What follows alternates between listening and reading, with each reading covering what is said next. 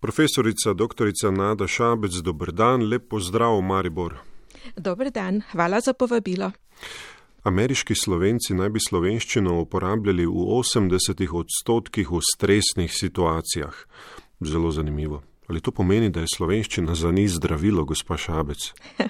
Tako se zdi, a ne? Eh, pravzaprav je to res zelo nenavadno. Eh, najprej moram reči, seveda, da to velja za tiste uh, slovenske američane z njihovega vidika, ne pa za nas, za ameriške slovence, torej za tiste, ki še govorijo slovensko, ki so dvojezični. Uh, to je predvsem za te starejše ali pa za tiste, ki so prišli v Ameriko v zadnjih časih, čeprav v zadnje čase seveda ni nekega priliva um, slovencev, slovenskih izseljencev v Ameriko. To se je dogajalo prej. Torej tisti, ki še obvladajo do neke mere oba jezika, jezika, predvsem tisti, ki so v otroštvu govorili slovensko, eh, tistim nekako v stresnih situacijah ali pa tudi v sanjah eh, ali pa pri molitvah, eh, v bistvu se zdi, da je slovenščina tako globoko uklesana v njihovo podzavest, da takrat, ko imajo nekakšen minimalen nadzor nad tem, kaj govorijo, kateri jezik izberejo, eh, da pride na površje ta eh, slovenščina. Torej gre za neko psihološko eh, komponento pravzaprav.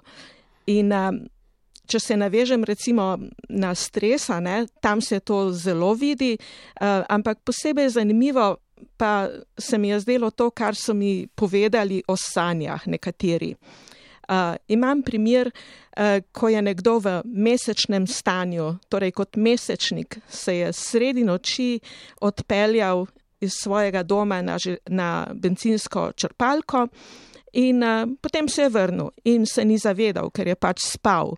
In uh, tam je srečal enega policista. No in naslednji dan, ko je šel na delovno mesto, je ta isti policist, ki ga je poznal iz sanj, prišel k njemu in um, ta informator mu vse navdušen pravi, to je pa res čudno, jaz sem uh, bil tam, uh, zdaj si pa ti tu, kaj se dogaja. Ne? In mu pravi ta uh, policist, uh, res niso bile sanje, ampak bil si tam in nekaj si mi govoril, ampak jaz nimam pojma kam, kaj, kaj si govoril slovensko. Uh, tako da tu je na dan prišla neka podzavestna v bistvu komponenta in uh, enako.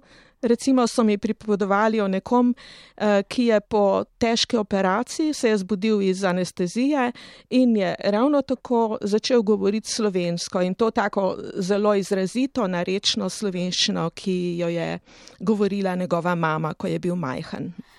Ja, zelo zanimivo, kaj vse lahko delamo, storimo v mesečnem, mesečnem stanju. Um, prebral sem tudi v vaši knjigi, da naj bi v 65 odstotkih sanjali v slovenščini, pa se to da tudi vsebinsko razdeliti, da so vam razkrili, o čem sanjajo slovenščini, o čem pa v angleščini, so vam razkrili svoje sanje. E, ja, nekateri ja, težko bi karkoli posploševala statistično ali kakorkoli, ampak tiste, ki sem jih spraševala in so mi pripovedovali, so se v glavnem v sanjah vračali v otroštvo. Tudi so govorili o stvarih, ki so povezane s Slovenijo, o raznih tradicijah, o praznikih, o tem, kako so se recimo družili še v slovenskih narodnih domovih. Se pravi, te teme so bile predvsem vezane na nekaj, kar je slovenskega v bistvu, ampak v glavnem iz otroštva pravzaprav. To je bilo najgloblje. Ja, zelo zanimivo. Ob tem pomislim, kako zelo jezik določa eh, naše strukture mišljenja, torej vsebine, ki so se povezovale s Slovenijo, so jih sanjali v slovenščini ali pa mhm. ki so jih doživeli v Sloveniji, to, kar pa so doživljali v Ameriki, pa so sanjali v angleščini, če sem uh mhm. -huh. prav razumel. Ne? Tako, ker tu gre dejansko za jezikovno izbiro. Ko nekdo govori oba jezika, eh, potem je cel kup faktorjev, ki vplivajo na to, katerega bo izbral. Zdaj ne govorimo o sanjah, ampak v resničnem življenju. Eh, torej, na to vplivajo teme, ki se v sanjah kažejo kot tiste, ki so bolj povezane s Slovenijo, čeprav signifikanten faktor to vseeno ni, ampak bolj pomemben še v pač resničnem življenju uh, je faktor govornega položaja, situacije, uh, kjer se slovenščina uporablja predvsem v zelo neformalnih situacijah. Recimo, ko se oni sestanejo, ker imajo veliko etničnih organizacij in imajo redne sestanke, potem so ti sestanki v zadnjih včasih že v angleščini, tudi zapisnike pišejo v angleščini, ampak potem, ko se pa po sestanku družijo, ko recimo plešajo, ko poslušajo glasbo, uh, takrat pa pride na dan ta slovenščina. Torej, uh, okolje samo, neformalnost zelo vpliva na izbiro slovenščine in uh, predvsem pa pravzaprav sogovorec, ne? oba predpogoj je, da oba seveda govorita nekaj slovenščine. In tukaj zelo veliko krat ljudje izberejo slovenščino, ker na ta način poskušajo pokazati neko solidarnost, se približati svojemu sogovorcu eh, na ta način, da izberejo jezik, eh, ki jim je skupen.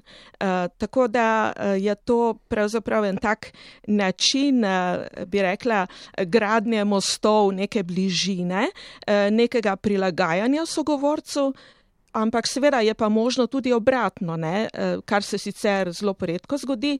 Eh, lahko imate nekoga, ki pa eh, želi ustvariti neko distanco in v tem primeru, kljub temu, da zna slovensko in da njegov sogovorec zna slovensko, bo ustrajal pri angleščini.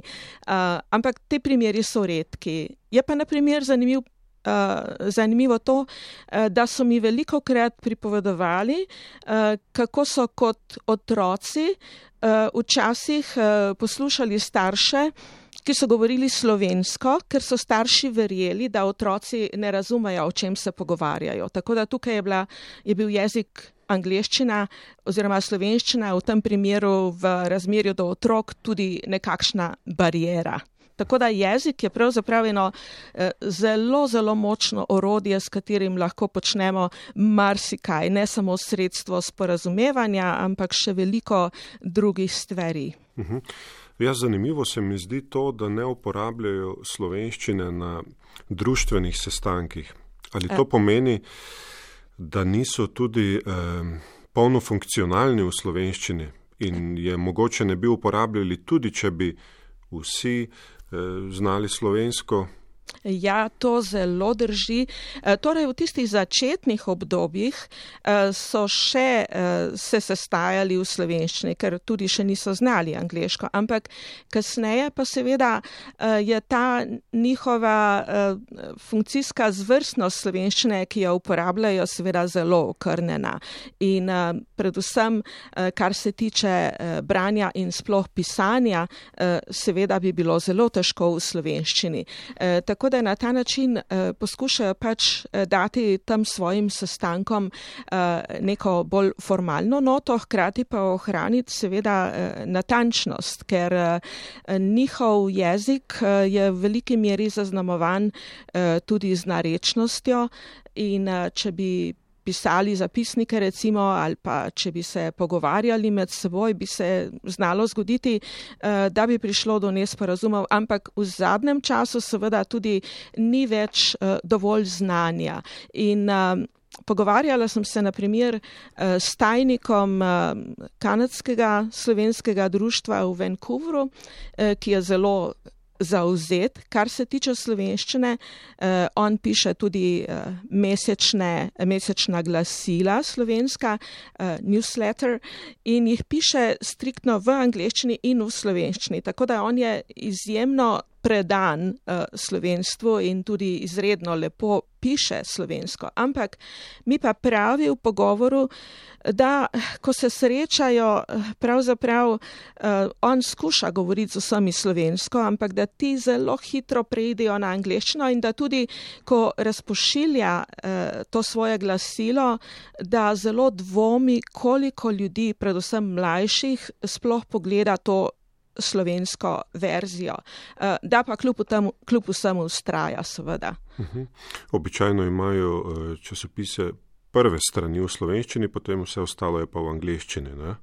Ja, na začetku, eh, ker so se zelo dobro organizirali, ne, so imeli tako strašno široko razvejano uh, mrežo etničnih organizacij, izdajali so svoje časopise, imeli so šole slovenskega jezika, imeli so uh, folklorne skupine, uh, glasbene ansamble, celo gledališke skupine, uh, tako da so bili zelo, zelo organizirani, ampak uh, s časoma so tudi ti časopisi pravzaprav izgubljali slovenski značaj. Recimo, če vzamemo eh, časopis eh, Slovenske narodne podporne jednote, ki je bila ena od teh eh, etničnih organizacij, pravzaprav neke vrste zavarovalnica, ki je skrbela za njih, da v primeru nesreče ali pa stiske, da so si med seboj pomagali, ampak je bila hkrati tudi v bistvu center njihovega kulturnega življenja. Torej, to glasilo, naprimer, uh, je bilo v začetku popolnoma slovensko. Uh, potem so prešli na dve strani v slovenščini in ostalo v angleščini, ker so hoteli nekako. Pač spodbuditi mlade, da bi vseeno eh, še naprej eh, tudi brali slovensko in eh, mislim, da zdaj v tem času pa pravzaprav nimajo več niti teh dveh strani.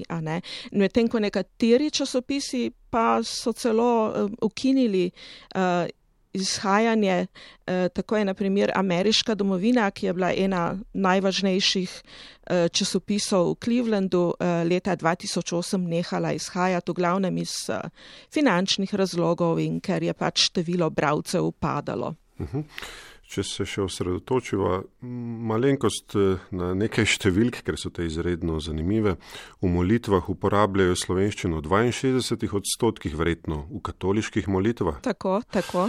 Eh, zelo malo jo uporabljajo pri hitrem štetju, mhm. verjetno zato, ker je štetje prvo, kar se naučimo. Ja, točno tako. Uh, hitro štetje. Ne? Jaz sem tu pričakovala, da bo mogoče več slovenščine, ampak ne, sploh ne. Tu, tu je tega najmanj, uh, ker je hitro štetje nekako avtomatizem.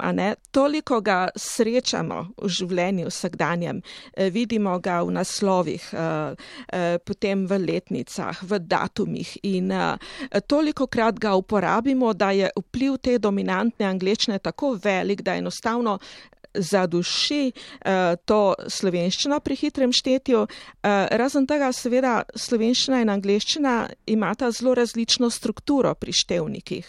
Naprimer, uh, mi rečemo 22, a ne, angliži pa ne pravijo 2 and 20, ampak 21.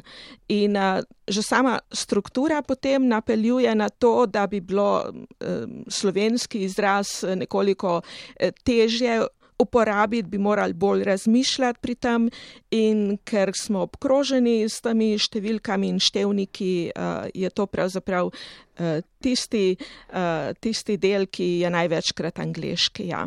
Tako da tudi v slovenskih stavkih, popolnoma slovenskih stavkih, še zmeri naletimo na angliške števnike. Bodo naprimer rekli, pa smo prišli uh, 1923. Uh -huh. Profesorica dr. Nada Šabec izhodišče najnega pogovora je vaše delo, slovenski izseljenci, njihovi potomci v Severni Ameriki, obrazi identitete. Ob eh, spoznavanju vašega dela je zanimivo to, da um, so slovenski američani, potomci priseljencev tretje generacije, um, ponosni na slovensko identiteto in kulturo vendarle pa danes ne uporabljajo več eh, slovenščine v večji meri oziroma slovenščina počasi zamira. Ali je podoben pojav opuščanja jezika prednikov zaupaziti tudi pri priseljencih drugih narodov v Združene države Amerike in Kanado, ampak teh narodov, ki so primerljivi eh, slovenskim? Ja, to je logično vprašanje, a ne? E, torej, kar se je zgodilo pri slovencih, je seveda to, če na kratko povem, eh, da so se na začetku ti predvojni priseljenci tam nekje od 1880 dalje, pa nekje do začetka Prve svetovne vojne, eh, priseljevali in da so živeli tako rekoč v segregiranih skupnostih, ker eh, niso, niso obvladali angleščine, pravzaprav niso znali angleščine in so dejansko lahko funkcionirali v svoji narečni slovenščini. Tako da, naprimer, enciklopedija etničnih skupnosti Harvardska pravi, da je leta 1920 v enem predelu Clevelanda, naprimer ob St. Clair Avenue, uh, bila ena slovenska skupnost, ki je bila tako zelo slovenska, da tam angliščine niste slišali. Angliščina je bila tam v bistvu tuj jezik. No, ampak eh, oni so se zavedali, da pa njihovi otroci brez angliščine seveda ne bodo mogli uspeti. In zaradi tega so otroci, ta druga generacija, eh, šli v šolo, v vrtec, tam so prišli v stik s eh, angliščino, so jo nekako pobrali, so postali zelo dvojezični. Eh, pravzaprav uravnoteženo dvojezični, ampak uh, ker so doma govorili slovensko s svojimi starši, zunaj doma pa seveda angliško, ampak oni pa niso uh, učili svojih otrok slovenščine, ker v tistem obdobju je bila eh, slovenščina oziroma tuj na glas, govor s tujim naglasom stigmatiziran. Tako da uh, dejansko tretja generacija že je tista, ki samo izjemoma govori slovensko ali pa pozna kakšno besedo, nasplošno pa je jezik tam izgubljen. In potem, ko pride, rečemo, pridejo leta 60. leta, ko se v Ameriki zgodi desegregacija, ko pride do iskanja korenin, ko je pravzaprav moderno iskati svoje etnično poreklo, eh, takrat je ta ponos velik, ampak za jezik je pri teh mlajših generacijah že prepozno. In veliko od njih mi je reklo, da pravzaprav obžalujejo, da se niso naučili. So seveda izjeme, posamezniki. E, tako da imamo ta krok od slovenske enojezičnosti preko e, zelo prehodne dvojezičnosti do ponovne enojezičnosti, ampak ta je tokrat angliška. Zdaj pa primerjava z drugimi skupinami. E, tukaj gre pravzaprav za eh, koncept etnolingvistične vitalnosti. In eh, ta je odvisna predvsem od prvič od številčnosti neke etnične skupnosti in od tega, kako velik je priliv novih priseljencev. Eh, kajti, če je skupnost dovolj velika in če stalno dotekajo novi eh, priseljenci, eh, potem je razlog, da se tisti jezik uporablja. Če pa priseljevanje presahne, kot se je zgodilo v primeru slovencev, tako v predvojnem obdobju, kot recimo v povojnem obdobju, ko so nekaj časa še prihajali politični imigranti, potem pa ne več, ampak samo posamezniki. Eh, takrat pa seveda eh, ni bilo več možnosti, da bi slovenščino eh, veliko uporabljali, ni bilo teh priložnosti in seveda ni samo ta um, velikost, ampak tudi strneno naseljevanje, kajti kasneje, ko so nekako eh, napredovali v smislu socialne in geografske mobilnosti, so se začeli izseljevati in so bolj razpršeni. In zdaj tudi za druge primerljive skupnosti, predvsem za tiste, ki so evropskega porekla, naprimer za Poljake, za Nemce, za Špance in tako naprej, eh, iz Špance iz Španije, mislim, za te velja enako. Uh, oni ne živijo več v teh prvotnih getih, ampak so se razpršili po celih Združenih državah Amerike, uh, dobili so nove poslovne kontakte, prijatelje in tako naprej, ki niso več uh, etnično uh, zaznamovani. Uh, prav tako uh, se ne poročajo več med seboj, torej uh, ne vem, slovenci, slovenci, poljaki poljaki, nemci z nemci. Nemci, ampak imamo veliko oziroma največ mešanih zakonov. To je en tak velik faktor, ki pripelje do opuščanja uh, maternega jezika, uh, če želite.